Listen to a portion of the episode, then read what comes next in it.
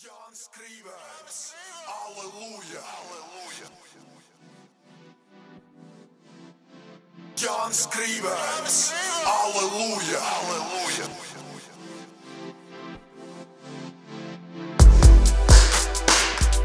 audio sinks ir.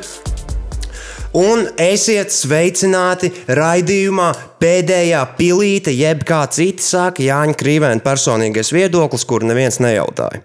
Uh, jūs zināt, kas mēs esam un ko mēs darām. Jūs varat šo ELS aparātu atbalstīt uh, Patreonā un kļūt par bang, bang patronām. Ar mani ir šeit Electric Life kolektīvs, pie pults, protams, ir veids. Un uh, šī epizode būs nedaudz svarīgāka un nopietnāka nekā citi mūsu veikumi, jo šodien mums ir ļoti nopietna tēma, sāpe, problēma problēma, ar ko Latvijā saskārusies katra tre, trešā sieviete. Katra trešā sieviete. Uh, tagad pielietojot pavisam vienkārši matemātiku, tas ir ļoti liels cipars. Tātad šīs epizodes mērķis nav uh, šausmināties, uh, bet mērķis ir vairot sabiedrības izpratni un pacelt diskusiju par to, ko visbiežāk noklusē mūsu tuvinieki, mūsu kolēģi, mūsu draugi un vispār lielākā daļa cilvēku, ar ko nonāca saskarsmē. Mēs runāsim par vardarbību ģimenē. Konkrēti pret sievietēm un visiem tiem umņikiem un šausmīgi trausliem vīriešiem, kuru, kuru te uzreiz liekas, ka ir arī vardarbība pret vīriešiem. Jā, protams, ka viņa ir, bet mēs gribam aplūkot to, kas ir statistiski visizplatītākais. Nu. Es, te, es tev mīlu par šiem vārdiem. Tu pat man neesi pieteicis, bet es tevi jau mīlu. Paldies! Uz mūžu. Un tagad arī pašā sākumā, pirms iepazīstināt mūsu šīs epizodes viesi, es izteikšu paziņojumu visiem šiem umņikiem un viegli aizvainojamiem vīriešiem, kuri grib pie pirmās izdevības bļaut, ka kāpēc par vīriešiem neviens nerunā. Karoč, un, un, ja jūs jau, un visticamākais, jūs jau gatavojat kaut kādu komentāru riebīgu YouTube. Uh, Tātad eh, visi tie Twitter bļāvēji vai komentāru karavīri ar galvu savā pakaļā, tad lūdzu aizveriet savus fucking mutes. Stāsts nav par jums, un ar jebkādām pretenzijām par saturu. Lūdzu, vēršieties pie manis privāti un personīgi. Jūs man pateiksiet, ko jūs domājat, un es jums pateikšu, kur jums jāiet. Tas ir eh, tieši tik vienkārši. Lūdzu, uzrakstiet to privāti, nevis smirdiet komentāros. Uh, Uztaisiet savu platformu, podkāstu, žurnālistikas centru, kaut ko vairāk par Twitter profilu, un tad varbūt jūsu vārdam būs lielāks svars. Tā tad labi, paldies. Šodien ar mums pēdējā pilītē ir, manuprāt, viena no visām visās nozīmēs spēcīgākajām latviešu žurnālistēm. Viņa ir neatkarīgā, neatkarīgā pētnieciskā žurnālistikas centra Rebaltika līdzdibinātāja, nevienlīdzības un korupcijas atmaskotāja. Tas ir no Wikipēdijas. Wow. Wow, es pat nezināju, ka man ir ieraksts. Tev ir savs Wikipēdijas ieraksts. Ar mums ir Inga Spriņģa. Inga, milzīgs. Tev paldies, ka tu atradi laiku paviesoties pēdējā pilītē ar mums šeit. Paldies! Tev. Tu tikko arī biji Kanādā. Es ceru, ka trips bija labs nenormāli labs bija Kanādā un Ņujorkā. Es nevaru mīlu Ņujorku. Kas tev vairāk patīk Kanādā un Ņujorkā? Nē, Ņujorkā es esmu jau katru, katru gadu braucis tur. Man vienkārši patīk tas milzums. Man patīk tas lielums, ka tu ej, tu esi nekas, tu esi sīka vienība un vienlaikus tev ir iespēja. Un katram dīvainim ir sava iespēja. Tu vari staigāt, nezinu, sākot ar klasiskā kostīmā, milzīgām botām kājās. Es varu stāvēt ar plakātu pie kaut kādas valdības ēkas un teikt, es ienīstu visus, visi ir stulbeņi vai es esmu par lielākām algām. Katram ir savs. Un šeit Latvijā tomēr mēs dzīvojam tik nostājā sabiedrībā, cik līdz kā kāds kaut kur pasprācās augšā, tad ir ļoti daudz, kas mēģina mēģina viņu noklopēt atpakaļ lejā.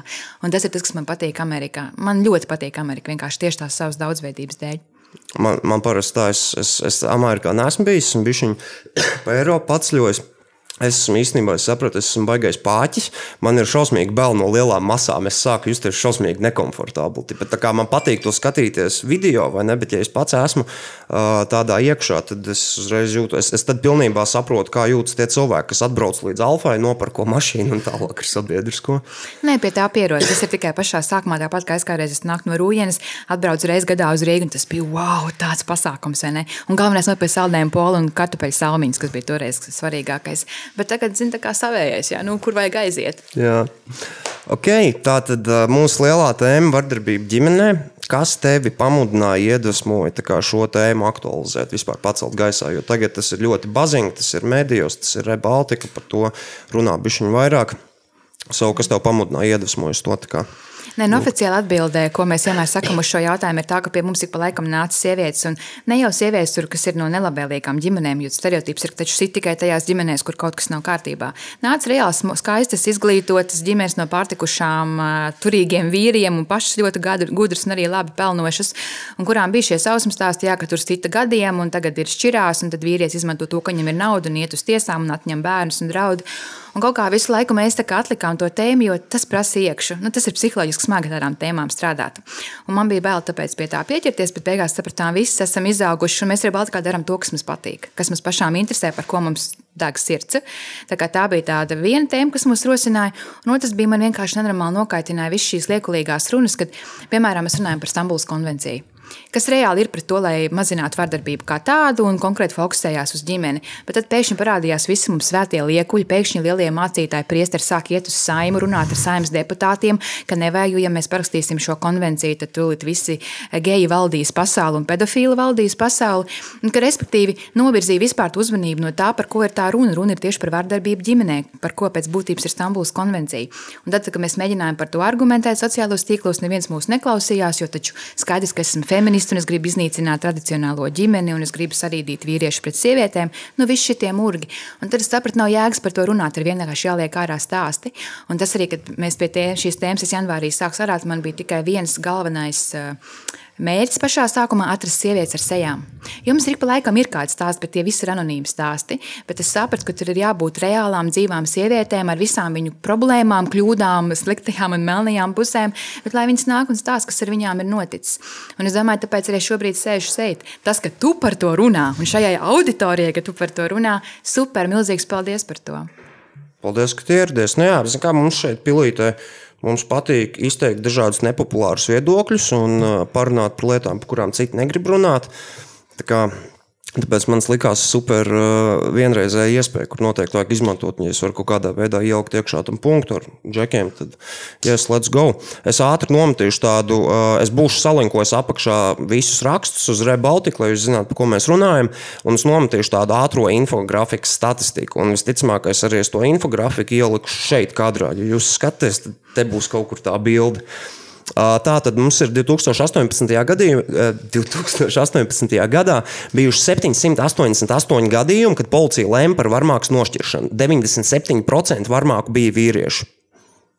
Tas ir tas, ko mēs teicām šeit sākumā, tāpēc mēs to šeit darām. 897 gadījumos tiesa piemēroja pagaidu aizsardzību. Se ir ir 7393 valsts policijā reģistrēti ģimenes konflikti. Un tie ir tikai reģistrēti. Es atgādinu, tas tie visi cipari, ko es teicu, sauc, tā ir aizberga redzamā daļa. Jo puse upura neziņo. Puse neziņo par notiekošo. Tā kā tad var to skaitli parēķināt. Būtībā, jā. 13 sievietes nogalināja kāds no tuviniekiem. Trīs sievietes nogalināja konkrēti dzīvesbiedrus. 79 sievietes piekāva kāds no tuviniekiem, Un šīs septiņas sievietes piekāva dzīves biedrus. Es tu kā pantiņu nolasīju. Es tikko sapratu. Okay, tā tad Rebaltika lapā ir pieejama rakstu sērija par vardarbību ģimenē, kur ar saviem stāstiem dalās četras drosmīgas sievietes šīs sejas - Līga, Laura, Natālija un Ilona. Um, Īsts debrief, vai šīs uh, dāmas atrada tevi, vai tu viņas atradi? Un tur bija dažādi daļi. Es meklēju, ar, piemēram, centru smārts, kas palīdz sievietēm, tā ar paziņām.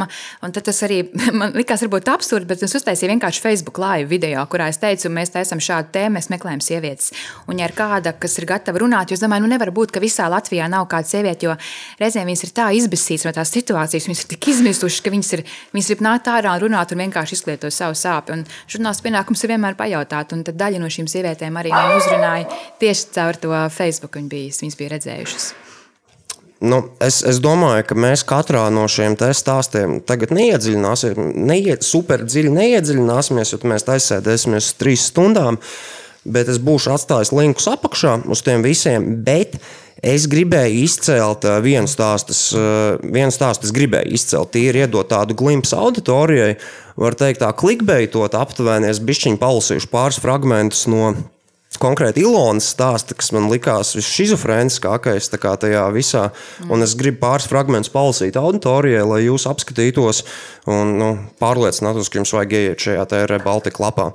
Tā tad. Um, Ilonas situācija bija vēl sarežģītāka. Civilvīrs Jurijs viņu kontrolēja arī fiziski. Atņēma telefonu. Kad grūtniecības laikā divreiz aizbraucām uz laukiem satikt manu dēlu, pat uz toleti nevarēju aiziet viena. Nedod Dievs māsai pasūdzējušos. Darbdienās, kamēr uh, civilvīrs strādāja, Ilona pieskatīja civilvīra Jurija māte. Tātad pirmo reizi tas notika tad, kad uh, Jurijs Ilonai pārsita galvu ar tējas krūzi. Tobrīd Ilona jau bija sapratusi, ka vīrietis ir vardarbīgs un posās pārvākties, līdz atklāja, ka ir stāvoklī. Liktenīgajā naktī viņa virtuvē dzēra tēju. Draugs sāka skaidrot attiecības. Jurijs bija izdomājis, ka pēc bērna piedzimšanas viņš to atdos audzināšanā savai mātei. Ja tu tā runā, kamēr mazais mani vēdrā, iekāpšu kuģī, lidmašīnā, jebkur un aizbraukšu nezināmā virzienā, tad tu viņu arī neredzēsi. Nu, vot, un nākamais, ko Ilona atceras, ir karsta tēja sejā un apdulinošs sitiens pa galvu. Un vīrietis Jurijs tobrīd strādāja Saimnes un valsts prezidentu drošības dienestā. Tie ir fakti. Jurijs arī vienu reizi pārnāca mājās ar garpiedurkņu trako kreklu un lika Ilonai izstiept rokas, un viņš to kreklu viņai sasēja. Un Jurija māte, māte Jurijam vēl pamācīja, kā pareizi savilkt šo te kreklu. Bija josta, ar ko savalk rokas.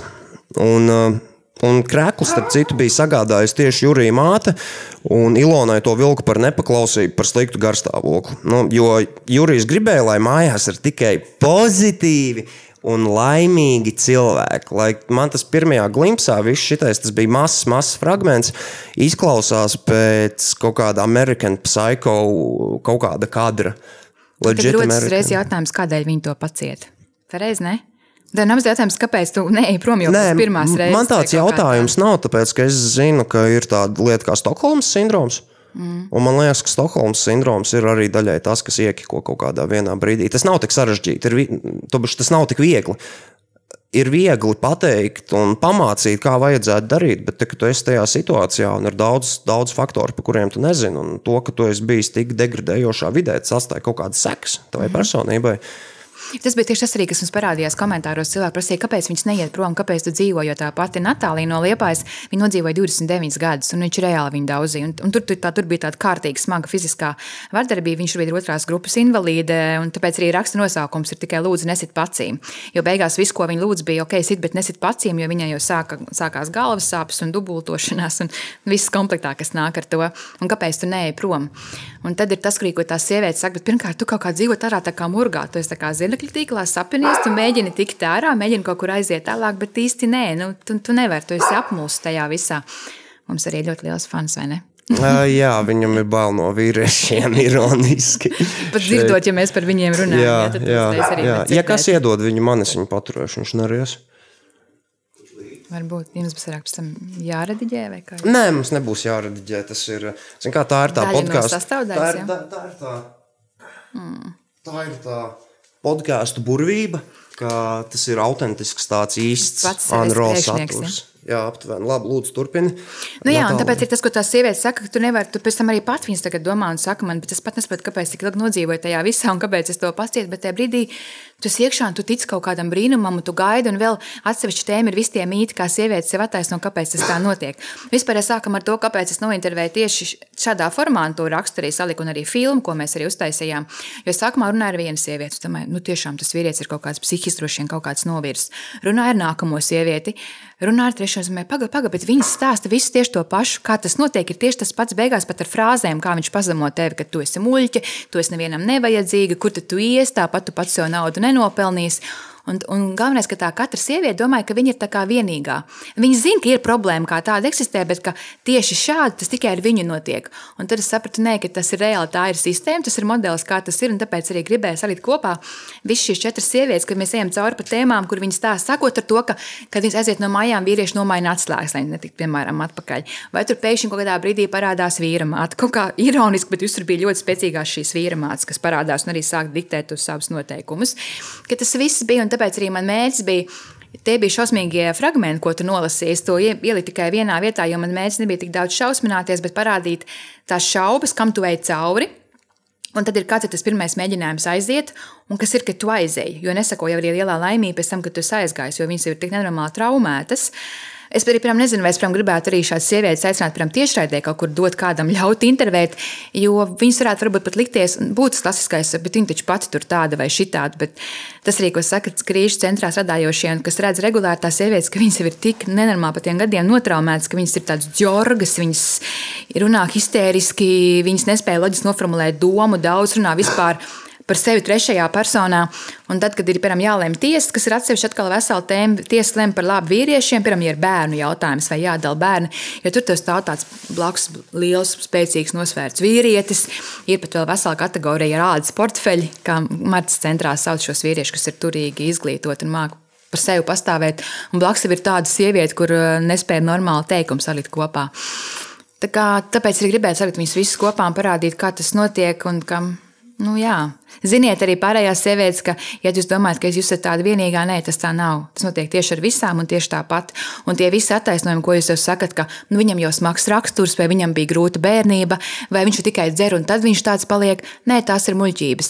Vienīgais eh, viņš to dara, jo viņš zina, ka viņš to var darīt. Jo viņš zina, ka nebūs par to sodu. Un te ir tie klasiskie stāsti, kas ir kautiņš, sieviete uzraksta iesniegumu policijām, pēc pāris dienām izņem ārā. Vīrietis ļoti labi arī apzinās. Un tā viņa vienīgā ir ļoti reta izņēmuma, kad ir psiholoģiskas diagnozes, kaut kādas psihiskas diagnozes. Bet pārsvarā viņi to dara, jo viņi zina, ka nekas par to nebūs. Un sievietes vienīgā vaina, kad viņas parasti domā, es tur varbūt būšu, es labošos, es būšu pieklājīgāk, es tur klusēšu. Tas nekad nestrādās, jo vienmēr atradīsies iemesls, kāpēc viņas ir vainīgas un vajag iekaustīt vai psiholoģiski kaut kā. Tāpēc sievietes vienīgā vaina ir, ka viņas to pieļauj. Ja tu pati to ļauj, tad ar tevi tas arī notiek. Un tad ir jautājums, kā palīdzēt no tā iziet ārā. Nu, jā, un plus um, tas, ko teici, ja tu, ja tu div, piemēram, Natālijas keisas, ja tu 29 gadus tiec vairāk vai mazāk dienu dienā, nu, vai reizi nedēļā kaut vai slānīts, nu, tas atstāja kaut kādas sekas uh, tavai psihei. Tā kā, nu. Tas, ko viņi saka, viņi reāli Tur bija varbūt kāpēc arī tik ilgi tas bija. Viņš bija jūrnieks, tā kā viņš regulāri kaut kādus vairākus mēnešus bija projām. Bet uh, viņa beigās, viņš reāli izmet viņu fiziski no mājas. Viņa aizgāja no mājas, jo viņiem jau ir bērni lieli un viņiem ir mazbērni jau. Un, uh, viņa aizgāja no mājas, viņa aizgāja uz tiesu un palūdza tiesiskās, nu, to, lai aizliegumu tuvoties vīrietim viņai.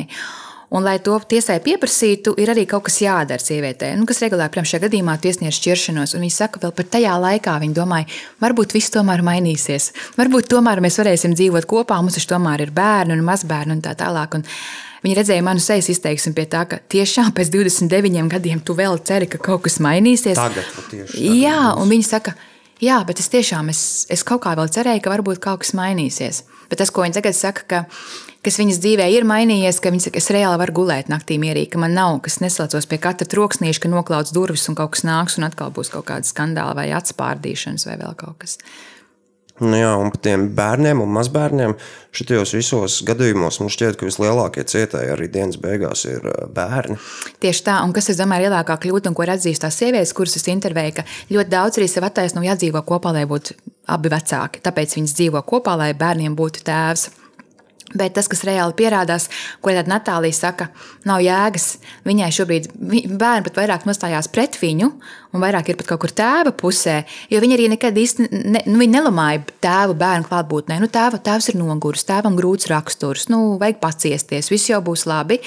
Un rezultātā ir tā, ka tie bērni ir regulāri visu mūžu, visu savu bērnību apzināti dzīvojuši visu laiku saspringumā trauksmē, bailēs, kas tagad notiks un kas nāks ārā. Un tā, ka viņi pieauga, tas, protams, arī parādās attiecībās. Tu pats nespēji izveidot normālu ģimeni, tu pats vai nu mēģini kontrolēt, vai tu esi upuris. Man arī rakstā bija minēta statistika, ka, ja ģimenē vīrietis ir bijis agresors, nevis māte agresors bijusi, bet tieši vīrietis, tad meitenēm bija citās reizes lielāka varbūtība, ka viņas kļūst par seksuālu un vardarbības upuriem, jo viņas nemāk atpazīt vienkārši, kas nav normāli, kas būtu normālās ģimenēs bērniem. Veselīgi. Un arī ļoti liela tās tā, kaut kāds 18 reizes bija, ka arī dēli kļūst par agresoriem, ja, ja ģimenē tēvs tāds ir bijis. Tagad tas arī pārmantojas, un kā arī saka, man tā viena no tām sievietēm, ko viņa arī domāja, nu, mēs tā uzaugām, ja mani bērni tā uzaugs, un cik ilgi mēs šo spēlīju turpināsim, kad tas aizies visu laiku tālāk. Um, man ir teorija. Tā tad Visiem, nu, vispār tagad bērniem un tīņiem un bērniem nav uh, labākā garīgā veselība statistiski. Nu, šobrīd diezgan sūdīgi ar to garīgo veselību starp jauniešiem. Mm. Bērniem ir baigs likt. Un man teorija tā tad visiem medijos ļoti patīk runāt, ka nē, nu jā, nu vispār jau šitie te sociālie tīkli un internets jau vispār ir sačakarējis visu to mūsu jaunatni un viss tā. Bet man kaut kā sāk likties tik līdz eh, ir tik milzīga, milzīga statistika par vardarbību ģimenē, man sāk likties, ka internets un telefoni un sociālai mediji sāk palikt par tādu tā kā grēkāzi, zini, kā scapegoat, ka patiesībā bērni uzaug sačakarēti, zanaks sēdoši un depresīvi. Nevis tāpēc, ka viņi būtu internetā bijuši pat daudz aizsēdējušies, bet tāpēc, ka mājās kaut kāds sūds notiek un par to nerunā, par to noklusē. Man ir tāda teorija, ka viņi to izmanto kā grēkāzi. Mm, es domāju, ka tur, protams, ir taisnība, ka ir liela, ļoti liela ietekme tieši no sociālajiem tīkliem, ka tu visu laiku vari salīdzināt, kā dzīvo tavi draugi. Un es ik laikam domāju par savu bērnību, un kā mana meita šobrīd, piemēram, aug, kāds tam ir spiediens. Bet ir ļoti liela nozīme arī tajam, tam, ko tu saki. Jo mēs arī Baltikā esam, piemēram, pētījuši izglītības problēmas. Un man, piemēram, bija reāli raksts, man bija klasa par zēnu, kurš nodedzināja klases kaktusu. Tas bija nosaukums. Un ideja bija tāda, es gribēju parādīt, ka arī skola var būt ļoti liels atbalsts, lai bērni, kuri nāk no ģimenēm, kuras nespēja palīdzēt, lai izrautos. Un, um, tur arī es toreiz tieši tikos ar to um, puiku, kur it kā skola pat bija kā labais piemērs, ko es izvēlējos. Beigās tur izrādījās viss daudz trakāk. Jo, Direktors bija pasūdzējies policijai, policija bija uzlikusi tur sodu, un mammai bija jāmaksā sods, bet mamma par to neuzzināja, un viss tas bija savērpies. Bet kur bija tā problēma? Tas pierādījās, ka dienesti Un kāpēc es par šo runāju? Arī vardarbības ģimenē gadījumā mums nav profesionāli sociālie dienesti. Ja sociālais dienas būtu tie, ka, ok, ja mājās ir kaut viņš, atnāk policija un izšķir, nu, lai uz to brīdi nav tur kādu nenosīt, piemēram. Bet pēc tam jābūt jāpieslēdz ar psihologiem un kaut kādai palīdzībai jābūt. Un te ir otra nākamā vai viena no Latvijas problēmām - pašvaldību reforma. Mums ir tik daudz šie mazie pagastiņi, kuru sociālā darbiniece ir uz puslodes pagasta sekretāra un sociālā darbiniece. Kāds viņai ir zināšanas vispār atzīt kaut kādu vardarbību un piedāvāt kaut kādu palīdzību. Un tas pats arī par šiem bērniem skolās, jo skola, vai tāpat viena mana sieviete, viņa dzīvo Zviedrijā, bet viņa ir Latvija, bija Latvija arī precējusies. Viņa saka, liela paldies, kas viņai palīdz izrauties, tas bija bērndārs. Jo Zviedrijā bērndārs redzēja, meita bija pastāstījusi, ka tēvs mājās viņus terorizē, ka bija izsaukta policija, ka tēvs ir vairākas reizes viņai iesicis un bērndārs ziņoja sociāliem dienestiem. Latvijā man šķiet, ka joprojām bērndārzā vai skolā, kad tu redz tos agresīvos bērnus, tu nosod tos bērnus bērnus vai lietas kaktā vai vēl kaut ko, bet ir skaidrs, ka ar agresiju nepiedzimst. Tas nāk no kaut kurienes, ticamāk, tas nāk no ģimenes, un tur būtu jāpieslēdz šie dienesti. Bet mums jau nav to dienestu tādā profesionālā līmenī, un plus arī ir jautājums, kas strādā šajos dienestos, kāda ir šo cilvēku pašu izpratne un vērtības par ģimeni. Un tā ir vēl viena lielā tēma. Es domāju, ka kopumā vardarbība ģimenei Dati rāda, ka tā apziņa pieaug, un sabiedrība ar vien vairāk to nosoda. Un arī es domāju, pēc mūsu raidījuma, šiem rakstiem, arī vairāk sievietes mēs iedrošinājām, lai viņas par to ziņo. Bet man ir nenormāli bail, kas ar viņām būs, kad viņas nonāks nākamajā ritenī, kas ir sociālās dienas, bāriņu tiesas un tiesas. Jo tur visi saka, mēs strādājam bērnu labā, man primārais ir bērnu intereses, bet tur arī manos piemēros tik ļoti parādās katra tiesneša privātā izpratne par to personīgā kādai tad ir jābūt ģimenei. Un tāpat Ilonas gadījums, jā, pie tā visu, ko tu lasīji, ko tas vīrietis ar viņu ir darījis, viņa neļāva savai divgadīgai meitai tikties ar tēvu. Viņš nebija divus gadus, viņš nav redzējis to meitu. Un tiesnesis saka, ka viņam ir jāstiegs, pat viņš nav izgājis nekādas agresīvas mazināšanas kursus, neko. Jo pēc tiesneses vārdiem viņam tāds raksturs. Un tas, kas manī, es tiešām, kad man tā sieviete stāstīja, es neticēju. Es domāju, nu, viņa pārspīlējuši sievietes ir emocionāls un tā, bet es noklausījos ierakstu, un tie ierakstā tiešām tiesnes, no tiesas sēdes. Tiesnesis tā arī saka, Lai jums kā mātei nebūtu jārūpējas, lai labotu šo nenormālo situāciju, ka tēvs divus gadus nav redzējis savu bērnu, vai jums nebūtu jārāda meitai tēva fotogrāfijas un jāiepotē pozitīva attieksme pret savu tēvu. Un tas, domāju, kā viņi to iedomājās? Redz, meitiņ, tas ir tavs tēvs, viņš man pažņaudza, viņš man tur pārsita tējas krūzi uz galvas, bet, nu, tev viņu vajag mīlēt, jo viņš ir tēvs un bērnam vajag tēvu. Nu, tas ir absurds. Vai arī otrs gadījums mums ir uzrakstījis sieviete. Izmisus tā vēstule bija haotiska, drukas kļūdā, nepabeigtiem teikumiem palīgā. Man eksvīrs eh, nogrieza ausi, un viņu šobrīd laiž ārā no apcietinājuma. Ko man darīt? Viņa bija tādā šokā, viņa pat parunāt revēl. Viņa joprojām ir tāda, nu, arī, kā es saku, dzorga saraustīta. Un arī kāda ir situācija, septiņus gadus vardarbība, tad viņš iekrauj tā pa seju, ka viņai acis nāk ārā jāieliek atpakaļ. Tiesa piemēro aizliegumu tuvoties, Vīrietis to pārkāpj, sagaida kāpņu telpā, no rīta nogriež viņai ausi, aizsviež kaut kur. Tiek uzstāts krimināla process, kamēr tu izmeklo tiesu, atkal piemēr, viņu apcietina. Un pēc diviem mēnešiem tiesnesis viņu atbrīvo, jo, kā viņa teica manai kolēģiem no panorāmas, nu, sieviete pati provocēja. Un otrkārt, nu, šāds attiecinājums nevar būt kā soda veids, ja viņš ir labojies divos mēnešos. Un tā kā parādās tā izpratne vai neizpratne par to eh, situācijas nopietnību, ka tev ir Tas nav tā, ka tu septiņus gadus daudzi nogriez ausis un tad divos mēnešos tu labojies. Nu, kam ir jābūt abas ausis jānogriež, lai tu vairāk pievērstu kaut kādu uzmanību šādām lietām? Piedod, es aizrunājos. Nē, nē, Šī ir vienkārši ok, mana tēma, kad, es, ok. kad reāli, ka tās sievietes man raksta, ar viņām runāju, un viņas jau man prasa palīdzību. Viņas man prasa, un ko es varu izdarīt. Es arī. Jā, ir, ir, ir, ir pleciem, ne? šāds centrs, aizēju uz Mārtas centru, aizēju tur vēl kaut kur, bet kas par, zinu, ja tur pretī būs tieši šāda formāla attieksme, tad viņas saka, tad labāk es būtu dzīvojis un pieļāvis, ka man turpina sist, nekā es būtu uzsākusi šo nu, palīdzības meklēšanu. Un, kas ir viss tās. Labi, tas ir ļoti Bet tas ir kaut kāds runājot, bet- birokrātisks bullshit, kas sākas kaut kur pa ceļam, vai Jā, tas ir attieksmes smagi. bullshit. Tas ir, domāju, tas ir kopā gan attieksme, un es nesaku, ka visi tiesneši tādi ir. Nebūtu, ne arī ļoti brīnišķīgi tiesneši, kas teigā arī viņi atbalsta un atbalsta Mārcis centru braukā uz konferencēm un izglīto. Bet tas parāda to toleranci, kāpēc mums ir pret vārdarbību. Tā ir kā tāda neredzama slimība. Mēs izliekamies visi, ka tas neeksistē, bet tas ir blakus. Šobrīd, kad mēs sākām par to tēmu strādāt, ja tu zinātu, cik man apkārt sievietes, kolēģis sāk stāstīt, mans pirmais draugs man sita, mana pirmā laulībā man sita, mani vecāki tēvs regulāri sita, mana māte. Man liekas, ka man katram apkārt es zinu kādu, kuram kaut kas tam līdzīgs ir noticis. Bet mēs visi par to klusējam, it kā, it kā tā nebūtu problēma.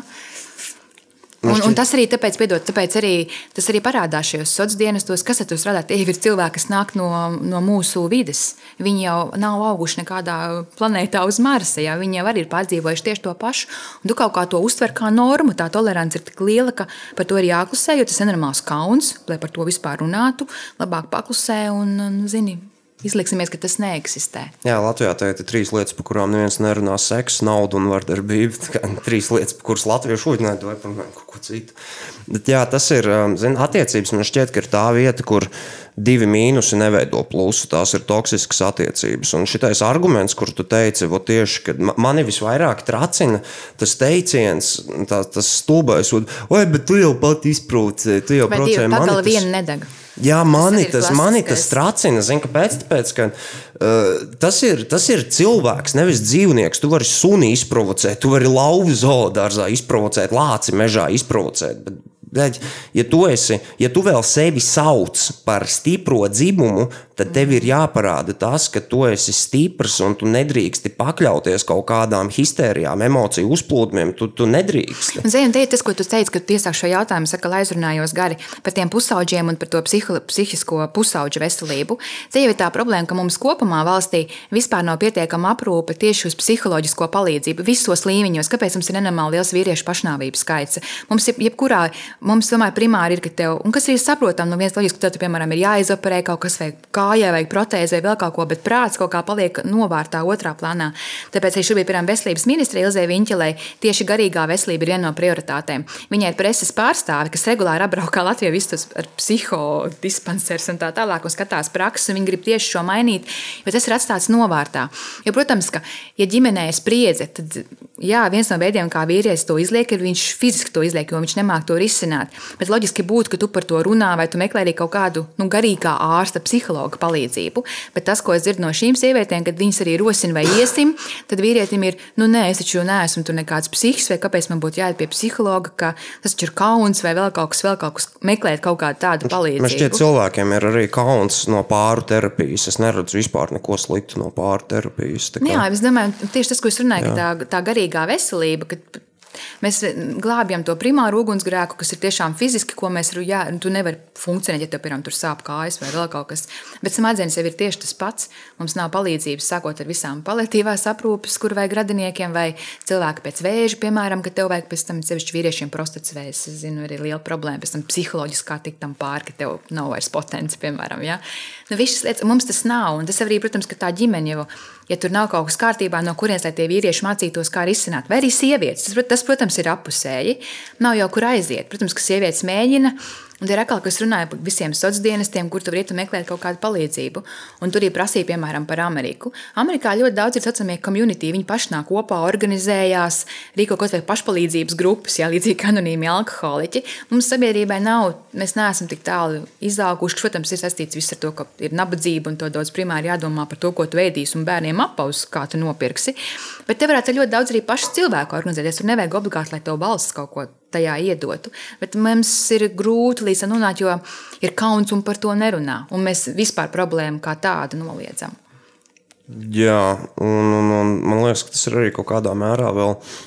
Viņa padomju mantojums un stereotipi, Protams. ka tipa, tā jau nav īsta slimība. Tas jau, tas jau nekas nav depresija, nav īsta. Tā ir ilūzija. Viņš padomā, un laikos psihologi neeksistēja. Jā, jā, Vardarbība ģimenē neeksistēja, Jā, jā, tāpat kā seks neeksistēja. un Man tā liekas, tālāk. ka tas ir vienkārši iesakņojies.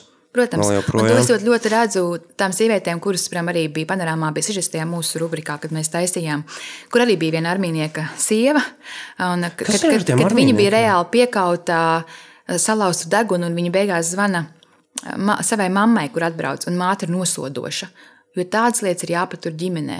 Arī Natālijai tieši tas pats. Es ļoti baidījos par viņas bērniem. Es ļoti ceru, ka kā viņiem attiecības veidosies ar bērniem. Jo viņiem bērniem nenormāls kauns, ka mamma par to runā. Tā ir ģimenes lieta. Par to uz āru mēs nerunājam. Man šķiet, ka vardarbībai nav attaisnojuma, un tas viss mūsu modernais dzīves stils, jebkurā gadījumā ģimenē agri vai vēlu novadīs pie konflikta. Tā kā bija vienā rakstā rakstīts, no strīda attiecībās, tas ir dabīgi. Nu, tas ir visiem, visiem tādi ir. Vienkārši um, neviens, neviens konflikts nav patīkams. Uh, Bet vardarbībai nav attaisnojuma, un tas ir tas, kā tu risini šos konfliktus. Vai tos risini veselīgi, ar paškontroli, ar saprātu, ar smadzenēm. nu, tas, ko galvenais, kā man skaidro, arī viens eksperts arī prasīja, to vienmēr viss saka, taču ir normāli, ka ģimenē ir strīdi. Protams, ka tas ir normāli. Bet ar ko atšķirās ā, vardarbīgs strīds, ja tā var teikt, no normāla strīda? Normālā strīdā mēs izrunājamies, nonākam pie kaut kāda secinājuma, kas mums abiem ir izdevīgi. Ā, Nenormālā strīdā vienmēr vainīgs būs tikai viens, viena pusē, un patiesība būs tikai vienam, un tu nekad nepie, nu, tur nebūs nekāda kompromisa. Tur nebūs tā, ka mēs abi izlemājam, kā mums abiem būs labāk. Un parasti arī tā, ka tas, tas kurš ā, iznāk ārā kā, kā, kā nevainīgais vai kā upuris, ā, patiesībā tas, kurš ir agresors un kurš to visu apgriež otrādi. Un tāpēc arī tas, ka tās sievietes arī viņas saka, viņas netiek ārā. Jo tas ir tik smalki, viss. tas nav tik vienkārši, ko tu pats par to Stokholmas sindromu minēji. Tu jau vairs nejūti tajā, ka tu esi iepinies tajos tīklos. Tu nesaproti, kur ir norma, kas ir normāli un kas vairs nav. Jā, tā ir normāli. tava dzīve. Vienkārši tu vairs norma. Exactly. Un no ārpus cilvēkiem liekas, nu, tas taču ģimenes strīds, taču visur tā ir. Nu, taču parunājieties, jūs taču abi esat tik sakarīgi cilvēki, vai viņš ir tik paskaties, kā viņš rūpējas par ģimeni. Ka tieši tie tuvie cilvēki, kuriem būtu jāpalīdz, viņi ir tieši tie, kas tā kā vēl pietušē un saka, nu, Kurš keep it in the family? Ķipa? jā, tieši tā, nu nevajag runāt uz ārā, taču būs labi. Tas arī man liekas, kaut kāds padomju mantojums. Ķipa, nerunāt par vienkārši to. Um, Vai tu, vari, vai, vai tu vari uztaisīt, vai tas vispār ir iespējams uztaisīt tādu vidējo varmākas portretu Latvijā, vai ir iespējams uztaisīt vidējo aritmētisko vai kaut kādu arhetipu tam vidējam Mhm. varmākam? Nē, nu, policija ir kaut kāda vienkārši izvilkt ārā tie dati. Jā, nu, brutāli Un Tas, protams, tur ir kāds. viens vīrietis, tur gada kaut kādi tur 40, bet tur nav par izglītībām vai vēl kaut kā. Un tāpēc arī es ļoti baid, nu, pat tā piesardzīgi kaut kādu vidējo tev zīmēju, tas ir stereotips, ka Bet vai ir kaut kādas kopīgas iezīmes? Viņiem Ir, ir tāda viena grāmata, kas man ļoti patika, un ko tās sievietes, kas tam ir gājušas cauri, un kas lasa angļuiski, viņām tā ir tā kā Bībeles vietā, vai tas, ka do that. Un to ir uzrakstījis viens uh, amerikāņu nu, psihologs, kurš uzsāk pirms 15 gadiem strādāt tieši ar abuzeriem, tieši ar vardarbīgiem vīriešiem. Un viņš klasificē vairākas grupas, un viņš arī apraksta, ka viņi ir ļoti eh, viltīgi, nu, ļoti manipulatori. Tev ir grūti, tur, tur nevar vienā grupā kaut kā iedalīt. Un tie ir, tāpēc arī pateikt, tas ir jebkurā sociālā slānī, ar jebkuru izglītību. Tas ir jautājums vienkārši, jo tu esi gudrāks, arī zini vairāk, kā to nomaskēt. Un vēl kas arī domāju, tu ļoti daudz runā. Tieši par to fizisko vardarbību, kur ir varbūt pat kaut kādā veidā vieglāk pierādīt, bet tā problēma ir eh, psiholoģiskā vardarbība, emocionālā, ko ir vēl grūtāk pierādīt. Jo tev nav zilumu, Un tad, ja tu, piemēram, saki, jā, viņš tur kliedz uz mani, viņš man regulāri pazemo, nu kā tu pēc tam ejot uz tiesu, piemēram, cīnoties par bērniem, sakot, ka viņš ir tur psiholoģiskais varmāk, kā tu vari to pierādīt? Un tas ir, tā ir vēl lielākā problēma. Bet, nu, es domāju, ka Sāksim ar fizisko vardarbību, un tad lēnām, lēnām kā sabiedrība arī nonāksim pie tā. Un tad ir vēl trešais - ekonomiskā vardarbība, kur eh, Ekonomiskais terors. Nu, tas ir normāli. Tev atņem telefonu, atņem mašīnu. Man stāstīja Marts eh, centrā, viņai bija bijusi kliente. Sociāla darbiniecei, kur eh, turīga ģimene, bet tev ir jāskaitās vīram, jāsniedz čeki par visu naudu. Viņš tev izsniedz naudas summu, un tu gada mēneša beigās iesniedz Excel ar, ar čekiem, kur tu kaut ko esi iztērējis. Un, ja viņš uzskata, ka tu iztērēji nepamatoti šito, tad samazinam naudas summu uz nākamo mēnesi. Slikti uzvedies. Ok, labi, wow. Izklausās tik un tā kā no kaut kādām psihiskām filmām. Ne? Jā, American tas tā Psycho. mums apkārt ir. Varbūt tu ej uz darbu vēl kaut kā. Tu, tu nezini, kurš tev no kolēģiem dzīvo tieši Nu, tādās tur jau neviens attiecībās. nezina. Tu nezini. Īpaši tev kaut kādas milzīgas organizācijas, kolektīvi. Tu nezini. Mm. Um, Bāc, vai, vai, vai tu vari ieskicēt, varbūt uh, tīri tā, lai saprastu kontrastus, uh, to četru sieviešu stāstu, kāda bija uz, uz ātrā ieskicēt katru no viņu varmākām? Vai viņi bija atšķirīgi, vai viņi bija līdzīgi, teiksim, Līgas, Lauras, Natālijas, Ilonas? Četras sievietes, četri dažādi vīrieši. Nu, Ilona, uh, Ilona, tur reālā fiziskā vardarbība bija divām sievietēm. Tas bija Ilonai, kur sēž trako kraklā, un tas bija Natālijai, kur bija no Liepājas, kur vīrs ir jūrnieks. Ja viss kaut kā man saka, ir liels. ir Arī, arī auss aus nogriezējis, cik es šobrīd jau esmu noskaidrojusi, ir lieli, spēcīgi vīrieši. A, viņi ir fiziski patīk- lieli, Jā, spēcīgi. tieši tā spēcīgi. Bet tas, protams, ir ļoti stereotipizēts. Šobrīd mēs nevaram to tā, Nu jā. bet kā liels spēcīgi, nu, arī, ja tu vairs arminieks un vēl kaut kā, es domāju, tas arī kaut ko droši vien nosaka to tavu fiziskā forma. Tie psiholoģiskā vardarbība, kur bija tām divām sievietēm, tur pat, es domāju, tā miespūpa tā netika izsverta. Bet tur bija tās psiholoģiskā tā manipulācija, ka tu nāc mājās, es esmu kungs. Nu, visu laiku tiek provocēta kaut kāda strīda. Tā sajūta ir tāda, ka Ir ceļš, tie vīrieši ir neapmierināti ar kaut ko, viņiem vajag uz kādu izgāzt dusmas. Un tad ir vienalga, ko tu darīsi, vienmēr atradīsi iemesli. Un, ko tā sieviete saka, jau pat atpazīsti to skatienu, ka tā līga stāsta. Viņš nāk, es mazgāju pie loga uh, traukus, nu, ja izlietni ir pie loga. Viņš atbrauc ar savu mašīnu, es redzu jau pēc skatiena, vai būs labi vai nebūs. Es jau izdomāju izdzīvošanas stratēģiju, kas man ir jādara, kādā veidā rēģēs. Un, nu, tur, tur izglītots vīrietis, nu, normāli pelnā. Viņām vienkārši vajag parādīt savu vāru. Un te tas, ko es sākumā teicu, sievietes vēna ir tā, ka viņi to pieļauj. Un zinu, ko vēl es arī kaut kad reizēm domāju. Bet man nav empirisku pierādījumu. Es vienmēr, es arī pat kā žurnālists prasu, un man arī šajā gadījumā ir prasa, man nav empirisku pierādījumu. Bet es domāju, vai kaut kur arī nav ļaunumu nodarījuši sieviešu žurnāli. Jo cik es esmu lasījusi sieviešu žurnālus, vienmēr ir tur, Noteikti lai būtu ir. laba sieva, arī visi tie ezoteriskie kursi, ja? vēl kājiet svārkus, lai piesaistītu enerģiju, ē, ļaujiet vīrietim būt tam galvenajam, lai viņš nestu mājās to medījumu, esiet laba sieva, tur tāda un tāda. Jo visas šīs sievietes, viņas mēģināja būt labas sievas. Es tur paklusēšu, nu, viņam nav labs karstāvoklis. Es ļauju viņam tur pelnīt biznesu, es pagatavošu ēdienas, un likšu bērnus, lai viņi būtu klusi. Un tā vietā, lai vīrietis to novērtētu un respektētu, tas, kas ir mans secinājums, viņi sāk necienīt to sievieti. Nu, sevišķi, ja viņi vēl dzīvo mājās un uh, rūpējās par vīra labklājību, un bērnu un tīro pavārdu un tā tālāk.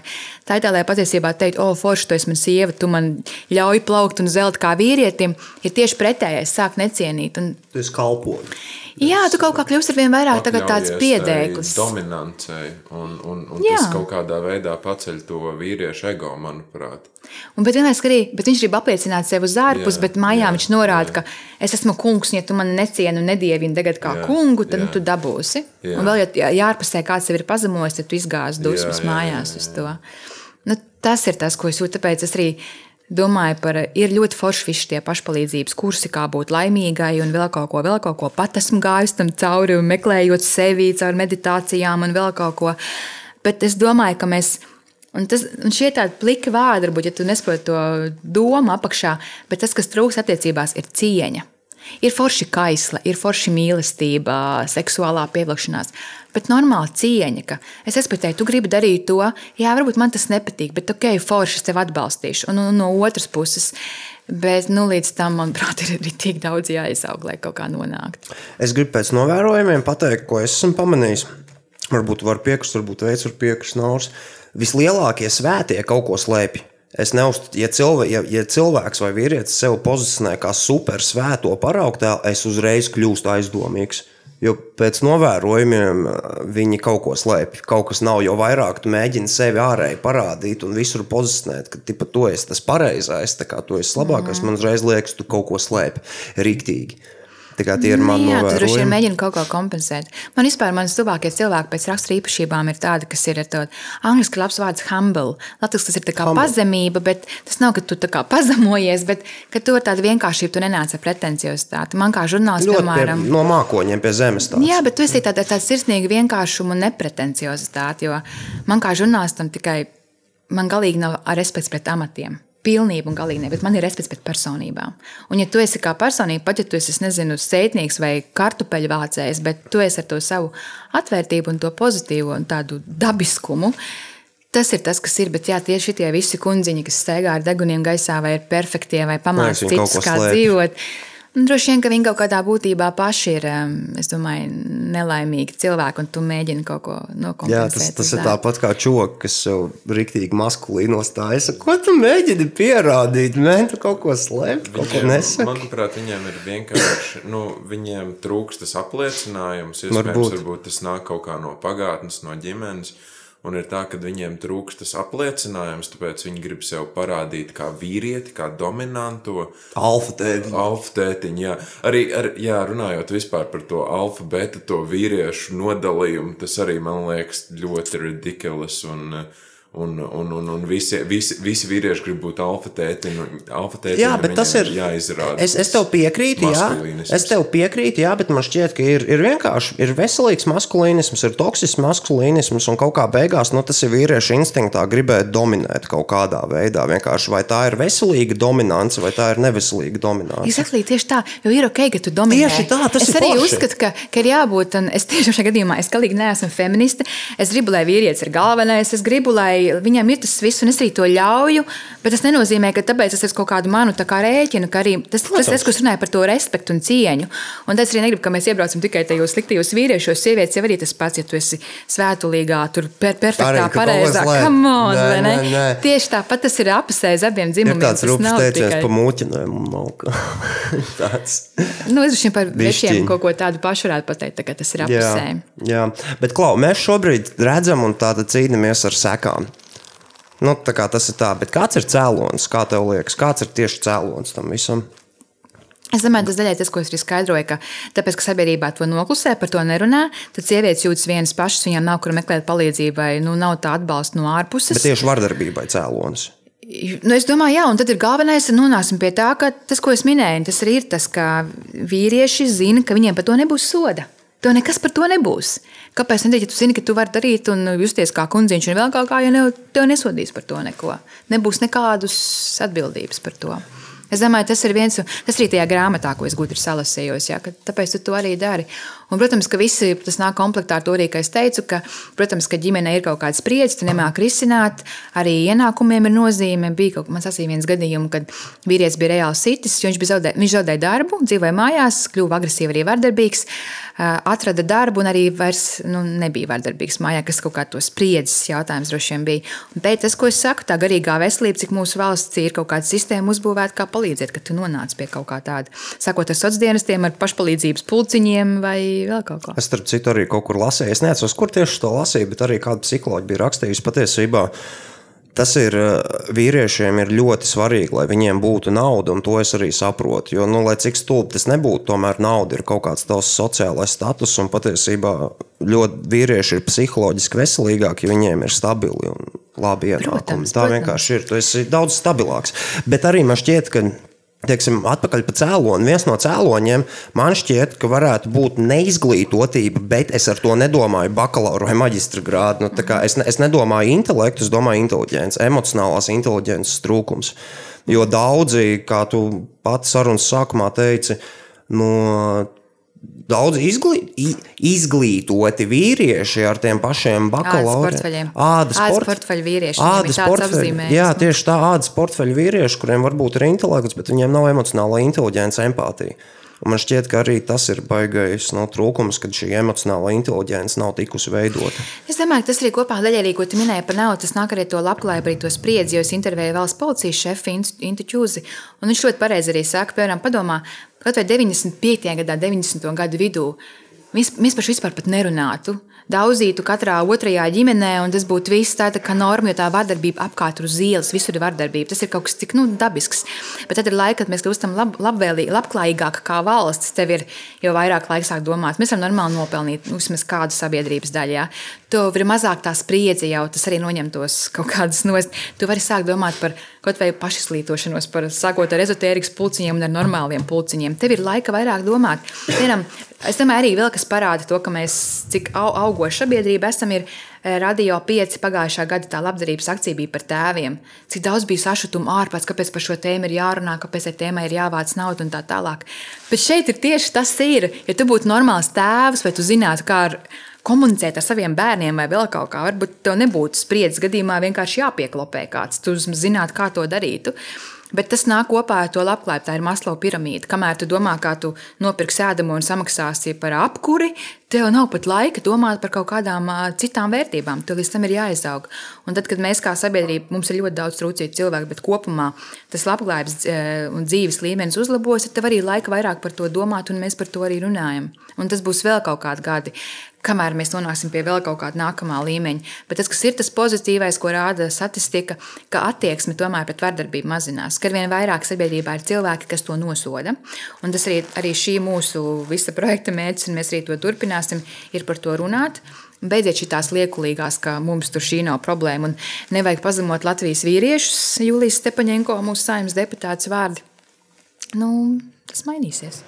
Um, Un, bet arī par to labklājību runājot. Nu, jā, it kā labklājība ceļās, bet īstenībā tas ir baigais burbulis. Es nesen biju lasījis labu statistiku, ka patiesībā 70% Latvijas cilvēku nav 1000 eiro uz rokas mēnesī. Tā kā tas ir baigais burbulis, ir vienkārši daļa, kas velk to statistiku ļoti, ļoti uz augšu, bet īstenībā ir tā, ka liela daļa viņi ir tuvu tiem tūkstošiem. Nu, mums ir no lielākajām nevienlīdzībām, sociālām nevienlīdzībām Jā. Eiropas Savienībā, protams. Tas ir, ko mēs ar Baltiku pirms septiņiem gadiem jau toreiz sākām rakstīt. Kāpēc jums ir visas problēmas ar ātriem kredītiem, jo cilvēki ņem un nav visas iespējas, un kāpēc ir visvardarbība? Un Un es īpaši, labi, es negribu būt vēl pesimistiskāk, bet. Um, bet uh, par cēloņiem atkal kā bija PSRS laikos. Tas ir arī, ko mēs bijām aizķerami, tas ir mantojums. Tas nevarētu būt PSRS mantojums mentalitātēs, kas iesakņojies, jo Krievijā, piemēram, ir dekriminalizēta. Jā, tu drīkst legāli sist mājās savu sievu. Tev būs administratīvi. Jā, Jā tev, tas ir administratīvais pārkāpums. 2017. gadā mm. Krievijas parlaments dekriminalizēja vardarbību ģimenē. Jo, ja sit, tad mīl. Ja? Nu, ķipa to. Jā, bet jā, man liekas, ka tas ir ļoti mantots no mūsu pagātnes un kaut kādā paudžu. Noteikti padomju vara ir ietekmējuši šo faktoru. Tas ir mans viedoklis. Es jau, jau par to runāju, man liekas, ka es runāju visu to, ka nebija psihologa mm. un sakot ar policiju, un joprojām ir policija, kas nebrauc, vai tas ir ģimenes konflikts. Bet nekas, mēs par to parunāsim. Varbūt tu vari pastāstīt par tukuma pozitīvu anketēšanas piemēru, kas tā tad pagaidām sāk mm -hmm. tiek, tiek ieviests, lai tā tad spētu noteikt šo te, vai ir vardarbība ģimenē vai nav. Jo bieži vien sieviete arī pati nu, neatzīsies. Dēļ tā, ka viņa ir aizmiglots visu, un viņa ir tik ilgi bijusi tik degradētā vidē, kad uh, ir tās anketas, varbūt var nu, Te ir tas, ko es arī stāstīju, ka nepietiek tikai to, ka atbrauc policija un izšķir tos rīdus to konkrēto brīdi, jo tas ir kā noziegt ugunsgrēku, bet tā problēma jau nemainās. Tāpat ar tiem sērkociņiem cilvēki turpinās spēlēties. Un tur tukumā tas, ko viņi uzsāka pirmie Latvijā darīt, viņi izstrādāja tādu riska izvērtēšanas anketu, kas nozīmē, ka policists atbrauc uz to izsaukumu, viņš aizpild konkrēts jautājums, atbild, atstāja arī vienu lapu sievietei lai viņi zinātu patiesībā, kurš pie viņas ir bijis, tur pašvaldībai, valsts policijai vēlāk vajag. Un trešo anketu atdod sociālajiem dienestam. Un te ir tas, par ko es runāju, ka jābūt tādai sistēmai, ka automātiski pieslēdzās sociālajie dienesti, kuri jau pēc tam, ja vajag, tur pieslēdz psihologu vai piedāvā kaut kādu materiālo palīdzību vai kaut vai krīzes centru, ja tai sievietei ir vajadzīgs. Un tas, ko Tukums saka, ka viņiem pieauga klientu skaits, sociālajiem dienestam pēkšņi jau parādījās ģimenes, par kuriem pat nebija aizdomas. Un parādījās arī šīs Nu, tās labklājīgās viduslāņa ģimenes, kur, kur sieviete uzdauž acis, uzkrāmē, uzliek pūderi un aizēja uz, uz darbu nākamajā dienā un stāsta, ka tu ieskrēji skāpju durvīs naktī nejauši, piemēram. Ja? Bet tu nekad neies uz sociālo dienas, jo tev ir kauns sevišķi, tu esi zināms sabiedrībā. Tā paša vidusslāņa, kur teorētiski tev nevajadzētu. Jā, nu, taču viss ir labi, un tev ir skaistais vīrs, un jūs tik labi izskatieties, un viņš taču tik, redz, cik viņš ir šarmants, un, un forši runājās ar visiem. Noparkots pie sausās toaletes. Tas jau no jūsu reperas lēnga. Es tur tik ļoti nevaru iedziļināties. Un tad tas, ko viņi vienkārši tukumā, ko viņi dara, viņi jā, viņi par to visu dara. Un tas, ko mēs gribējām kā arī Baltika uzsvērt, ka ir runa par to, ka šāda sistēma būtu jāievērš visā valstī. Bet tas, man, par ko man šobrīd ir bail, kā policijas vadība saka, jā, ka mēs to darīsim. Bet nu, tā, man bail, ka kādos birokrātijas gaitiņos es lēnām kaut kur noslīgs. Un vēl ir tā problēma, ko es minēju par pašvaldību reformu, kāpēc mums tik nenormāli viņu vajag. Jo šobrīd ir, mums ir visi mazie pagasti, kurā ir 2000 cilvēku un ir jābūt soci sociālajiem dienestam, un cik viņi ir spējīgi palīdzēt. Un tas ir visās jomās, gan ar skolātiem bērniem, kuriem vajag palīdzību, ar auģu ģimenēm, ar visu kaut ko. Bet pasakiet to lūdzu pašvaldību savienībai un katram pagastvecim. Un to arī pierāda arī vēlēšana rezultāti, ka cilvēki negrib, ka tu nomazini to tavu pagastu. Tā ir svētā lieta, tu tajā dzīvo. Mums Latvijā vajag katru mazo pustukšo skolu un tā tālāk, lai uzturētu ilūziju par to, ka Latvija ir apdzīvota visā teritorijā. Un tas arī tajā vardarbībai no tā tukuma tas ir tieši tas pats, ka, ka mums vajag normāls profesionāls sociālos dienestus, kas spēj arī palīdzēt attiecīgajā brīdī. Un arī tad tā nebūs beigā panacēja, bet tas ir vismaz kaut kas, kur tu vari iet uz priekšu, kas mums būtu jāmaina. Un tukums pie tā nonāca arī caur bēdīgu pieredzi, Jo viņiem pirms diviem gadiem nosita sievieti. Un tad, kad viņi paskatījās atpakaļ ejošajā termiņā, tur bija vismaz pēdējos gados, kad 5-6 reizes saukt policiju, bet viņi kaut kā nekad nebija īsti savilkuši kopā. Nu, to gadījumu, ka tas ir tāds riskants, ka tur būtu jāpieslēdz sociālās dienas. Viņi piemēram. nenolasīja red flagus. Mm, jā, viņi nenolasīja tieši tā, un to viņi saprata jau pēc tam, kad, eh, kad tas piedzīvotājs jau to sievieti bija nositis naktī dzēru. dzēru. Nu, tur bija arī alkohols un tā tālāk, viss kopā. Un tas, ko viņi tagad saka, tas eh, man ļoti cienu to eh, valsts policijas šefa tukuma eh, novadā. Jā, Janeks Bahs. Man liekas, ka viņam varētu iesaistīt institūciju, viņam kaut kādu zelta pieminiektu uzceltu. Tiešām, tāpēc es saku, nevar kritizēt visus dienas. Ir arī forši cilvēki, kuriem tiešām tas rūp. Un tas Bahs tiešām būtu vērts ar viņu atsevišķi runāt.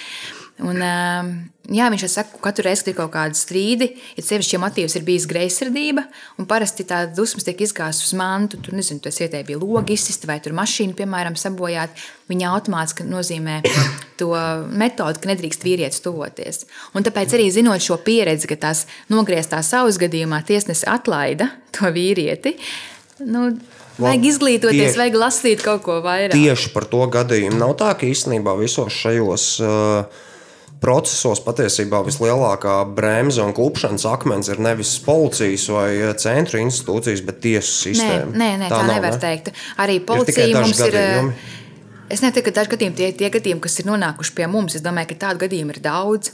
Bet ir, ir visās sistēmās, ir gan labi, kas ar izpratni un tā tālāk, gan arī tādi, kuriem ir tas, ko es minēju, visi tie gadījumi. Tur bērnam jāiemācās pozitīva attieksme pret tēvu un tā tālāk, jo bērnam vienkārši vajag tēvu. Pofīgi, ka viņš tev tur ieklopē regulāri. Bērnam vajag tēvu. No novecojušiem standartiem. Nu jā, jo es nezinu, varbūt kādai tiesnesē pašai varbūt ir bijusi privātā pieredze. Vai mums ir vēl gadījums, ko mēs nevaram minēt konkrēti, jo mēs nonimizējām, kur savukārt māte nav četrus gadus redzējusi savu nu, jau pusaugu dēlu, jo tur arī psihologi uzraksta atzinums, ka māte ir agresīva, un tāpēc viņai vispār ir jāliec tikšanās ar, ar savu dēlu. Nu, jā, viņai bija problēmas, es nenoliedzu, viņa ir ne, ne nav simpātiska, varbūt masām cilvēks, bet nu, viņa nebija tāda agresora, lai viņai vispār ar dēlu aizliegtu tikties. Un tas arī, ko mēs ļoti jūtam, ka visi pieaugušie saka, kā viņi rūpējas par bērnu, ir skaidrs, ka tur bērnu intereses vismazāk tiek ap, apsvērtas. Katrs pēc savas izpratnes vai tur likumu interpretē kaut kādā savā veidā, bet kā patiesībā nezinu, ka tas puika izaugs un viņam, kā viņš par to kādam teiks paldies, ka viņš četrus gadus no 10 līdz 14 gadu vecumam ar savu māti viņam aizliegties. Viņam bija iemācīts, ja ierauga māti, beidz projām. Nu, un tā māte nav ne alkoholiķa, nekas tur ir cits stāsts. Atkal. Tas bija tajā manā rakstā. Tas, tas bija An Anželika. Jā, jā. jā. Mm. Jā, bet uh, arī tad, kad bērns pieaug un viņš kļūst par tīnu, pa lielam mēs visi zinām, ka tīns dara to, ko viņš grib darīt. Kā, nu, tur viņi neapturēs vairāk ne kaut kādas tiesas. Tad arī vairs nevar, jo tad arī var jau bērnam prasa, vai tu vēlies satikties vai kā, bet es domāju, ja tev visus gadus stāstīts, ka māte ir slikta un tā, vai mm, tas bērns jau var ar viņu manipulē. Nu, no kā tad viņš smelsies kaut kādu pieredzi vai kaut ko? Mm, Kāda tā tad varētu būt risinājuma potenciālai vardarbības novēršanai tieši tās cēlonī? Tieši saknē risinājumu, ko mēs varam darīt kā sabiedrība, kā cilvēki. Nevis vienkārši par to runāt, jo, nu, protams, mēs par to runājam, mēs paceļam tātad šo tēmu, bet nu, es domāju, ka ar to arī nepietiek. Ir noteikti jābūt vēl kaut kādām lietām, kuras mēs varam darīt, lai vienkārši mazinātu to nākotnē. Nē, nu viens ir patiesībā runāšana ir ļoti liela nozīme. Tas, ko tu, piemēram, šobrīd dari, ka tu šādu raidu ar savu profilu, ar savām interesēm, ka tu par to runā, tas ir ļoti svarīgi. Jo sāksim ar to, ka mēs par to nerunājam. Tā kā pirmais, ka mēs par to runājam. Otrakārt, ja tu redzēji, ja tev nāk regulāri kolēģis vai kolēģi ar uzsistu acī un stāsta, ka ieskrējas kapī, tad uh, diskrēti kaut, kaut kā pateikt, redzēt arī kaut kādas palīdzības telefona numurs, kur tu vari piezvanīt vai vēl kaut ko tādu. Tā kā iedrošinātos apkārtējos, nebūtu tā kā vienaldzīgam pret to. Un tad ir nākamais jau valsts līmenī. Ir vienkārši jāizdara spiediens un ir jāskatos. Jā. Tas ir tiešām tas ir komplekss, tāpēc jau mūsdienās uzvar populisti, jo viņi piedāvā vieglos risinājumus, bet nav vieglais risinājums, bet ir jābūt ar pašvaldību reformām un nu, ir profesionāli sociālai dienesti. Tas ir tas, kas ir, kam ir jābūt ļoti labā līmenī, lai palīdzētu tiem cilvēkiem. Un visiem patiesībā, un tā garīgā veselības aprūpe arī, kas mums ir svarīgi. Un tur nav viens tāds vieglais risinājums. Es vēlos vēl piebilst, man šķiet, ka vēl viens risinājums ir vienkārši labklājības celšana starp sievietēm. Jo ir daudzi gadījumi, tieši arī pieminēti, kad, kad tas varmāka ir arī kaut kāds, zini, barotājs. Un tad, kad tu esi dzīves nomocīta un piekus uz sievieti, tad uzrodas kaut kāds šis te pelnītājs, kas dzīvo fucking nekurienes vidū Zviedrijā, strādā kaut kādā gadā. Tas jau ir aizdomīgi, tas jau ir kaut kāds red flag. Bet, bet, bet eh, viņi, viņas uzķerās un kļūst par upuriem tiem saucamajiem eh, pelnītājiem, mm. tiem barotājiem, tiem gādātājiem. Un eh, tad, kad tu kad, kad tev nav tā labklājība tik augsta, un tu domā, ok, tūlīt atrisinās visas manas problēmas, tad nākamajā brīdī mums ir Rebaltika stāsts. Mm. Es nezinu, kā man liekas, ka tās sievietes, jau, kas man piemēram bijušas, viņas pat nebija tā, ka viņas ilgojās dzīvot mājās un nestrādāt. Viņas arī gribēja, bet kaut kā, un tas, ko es minēju gan par tiem sieviešu žurnāliem un tā tālāk. Ka, nu, vietam jābūt pelnītājam, un arī tie ļoti daudz arī tie manipulācijas viens no veidiem no varmām, kām ir, nu, tu, tu dzīvo mājās, es par tevi rūpēšos un būs labi, un tādā veidā tu zaudē to savu kaut kādu, nu, patstāvību. Brīvību. Tas ir vien, jā, un tas, un tas, ko es saku, un ar laiku arī tu zaudē tā vīriešu cieņu vienkārši. Tāpēc varbūt tomēr sievietē ir Un tad man sauc par feministi, bet tas ir tas, ko es saku, tev ir jābūt. Nu, tomēr rūpējies par sevi, arī par attīstību, ej, mācies tomēr tālāk, vai dari visu, ko tu vēlējies. Nevis tāpēc, ka šo brīnišķīgi iestāsta, ka nu, būs labi un es par tevi parūpēšos. Un kas ir forši, un to vajag arī ļaut darīt. Vajag ļaut sev arī lutināt, nevajag galējībās ieslēgt. Protams, tieši tā, ne, par galējībām. Tieši tā, tieši tā, nevajag galējībās iet. Protams, dāvans, forši lutināt, forši, viss super. Bet, jā, bet ja sievietē pašai ir tā sava finansiālā un tāda neatkarība, tas, protams, tev daudz vairāk palīdz un arī pašapziņai kaut vai tev dod. Un plus, un tur arī, ja tu nāc no kaut kādas pilnīgas černuhas, tad tev ir vieglāk kļūt par upuri. Un uh, man šķiet, ka tev ir, nu, es piekrītu, jā, tev ir jācenšas tiekties uz finansiālu brīvību un uh, finansiālu neatkarību, cik vien no tas ir iespējams. Un tev no mazotnes ir varbūt jādzen iekšā vai meitai vai kam. Ka, tipā, jā, hei, ir forši, ja tev kaut ko pērk, bet dienas beigās varbūt tu gribi arī kaut ko uztaisīt no sevis. Tavs vienīgais pienākums, zini, nav šaut ārā sīkos un stāvēt pie pavārdas. Tu gribi kaut ko no sevis uzbūvēt kaut kādu savu personību, tālāk pilnveidot, vienalga kā tas ir. Un tad, kad tu esi ar to drāvu iekšā, zini, kaut ko darīt, tad tev ir arī daudz sarežģītāk. Tu tik viegli neuzķeries, jo tev ir savas, tev ir ļoti daudz lietas, kas tev interesē, ko tu gribi darīt. Tas nav tā, ka visa tava dzīve, teiksim, grozās ap to. Vienu cilvēku. Ap vienu cilvēku jaunām attiecībām, jo tev ir dafiga, ko darīt. Kā, un tu uz to fokusējies. Man šķiet, tas ir mega. Tā, ka tu vari daudz darīt. Tas ir. Paldies! Ai, nu jā, kaut kā tā. Mēs esam tuvu, mēs esam. Es teicu, ka es ātri runāju. Jā, es arī, es, arī, es arī pilnībā respektēju, ka teici, ka tev vajag maksimāli iespiesties tajā stundā. Tāpēc tā, man, man vēl bija pāris lietas, bet nu, tās man likās tādas, nu, tipa mazsurīgas, kaut kāda fileri. Vienkārši es, es to varu izlaist, un tad es gribēju arī. Uh, pateikties. Paldies, ka šī bija ļoti vērtīga saruna, ļoti liela, ļoti liela vērtīga pilīte. Un es ceru, ka viņi bija arī tikpat vērtīgi visiem klausītājiem. Ar mums bija Elektrika Artlife.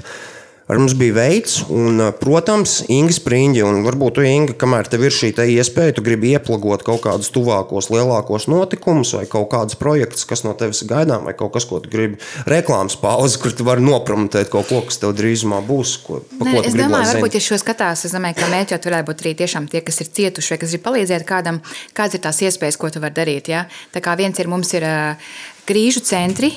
Kuri var tiešām iet fiziski, tev tiešām nav kur iet un ar bērniem un pieņemt un var dzīvot fiziski. Uh, Tad uh, mums ir Baltikā arī viens no rakstiem, kur ir salikt linku uz visu kaut ko, kur var atrast dažādu veidu palīdzību. Tad mums ir šie centri kā Marta Kalps un Dārdes, kur var meklēt juridisko un psiholoģisko palīdzību. Tad ir tiesa, manuprāt, tiesu administrācija vai kaut kas tamlīdzīgs, kur arī var juridisko palīdzību bez maksas dabūt. Tad ir divi veidi, kā var, piemēram, lūgt gan caur policiju, gan arī caur tiesu, tiesiskās, nu, lūgt palīdzību, lai aizliegtu tuvoties tam cilvēkam, konkrētai dzīvesvietai vai cilvēkiem. Tā kā ir kaut kādi mehānismi un var meklēt palīdzību, bet iesaistot Kaut vai piezvanīt Martas centram vai vēl kaut kur izskaidros to visu. Respektīvi, nevajag ciest. No mūsu pašiem man ir pieteikušies, ir arī foršās lietas. Tiešām arī cilvēki raksta un palīdz un, un ziedo attiecīgi centriem un tā tālāk. Es plānoju rudenī pacelt vēl kaut kādus nākamos stāstus. Ir arī pieteikušās sievietes, kuras ir gatavas runāt. Bet šobrīd bija šī tā kā ir jāatpūšas un jāievelk elpa daudz vardarbības. Un Baltikā mums ir eh, visas tēmas, kā mazās skolas mums būs, un mēs gribam Vēl kaut kāds tēmas, kuras šobrīd vēl nevar teikt, kas mums ir jāizpēta, ko mēs plānojam. Nu Jā, vai- vajag bišķiņ arī. Nu, rudenī būs tāds tam turpinājums, jo, piemēram, es saku, kā, kā es teicu, pirms tam, pirms kameras, pirms ierakstiem, es vienā dienā izgāju cauri, lai sagatavotos pilnīgi visiem tiem rebaltika rakstiem. Un tad, ja jūs arī tā darīsiet, secīgi iesiet, jūs pēc tam vakarā multens vienkārši skatīsieties kaut kādu Disney kanālu, lai attiet no tā, bišķiņ kontrastēt. Un tad, jā, un ja tas, ko mēs šodien te runājām, nav svešs, un tur kaut ko tādu esi saskāries vai kaut ko tādu zini, tad links būs šeit, www.cietušajiem.lv. Un ā, vērsies pēc palīdzības policijā, pie ģimenes vai pie draugiem un neklusē. Mm. Paldies jums! Tiekamies nākamajā pilītē!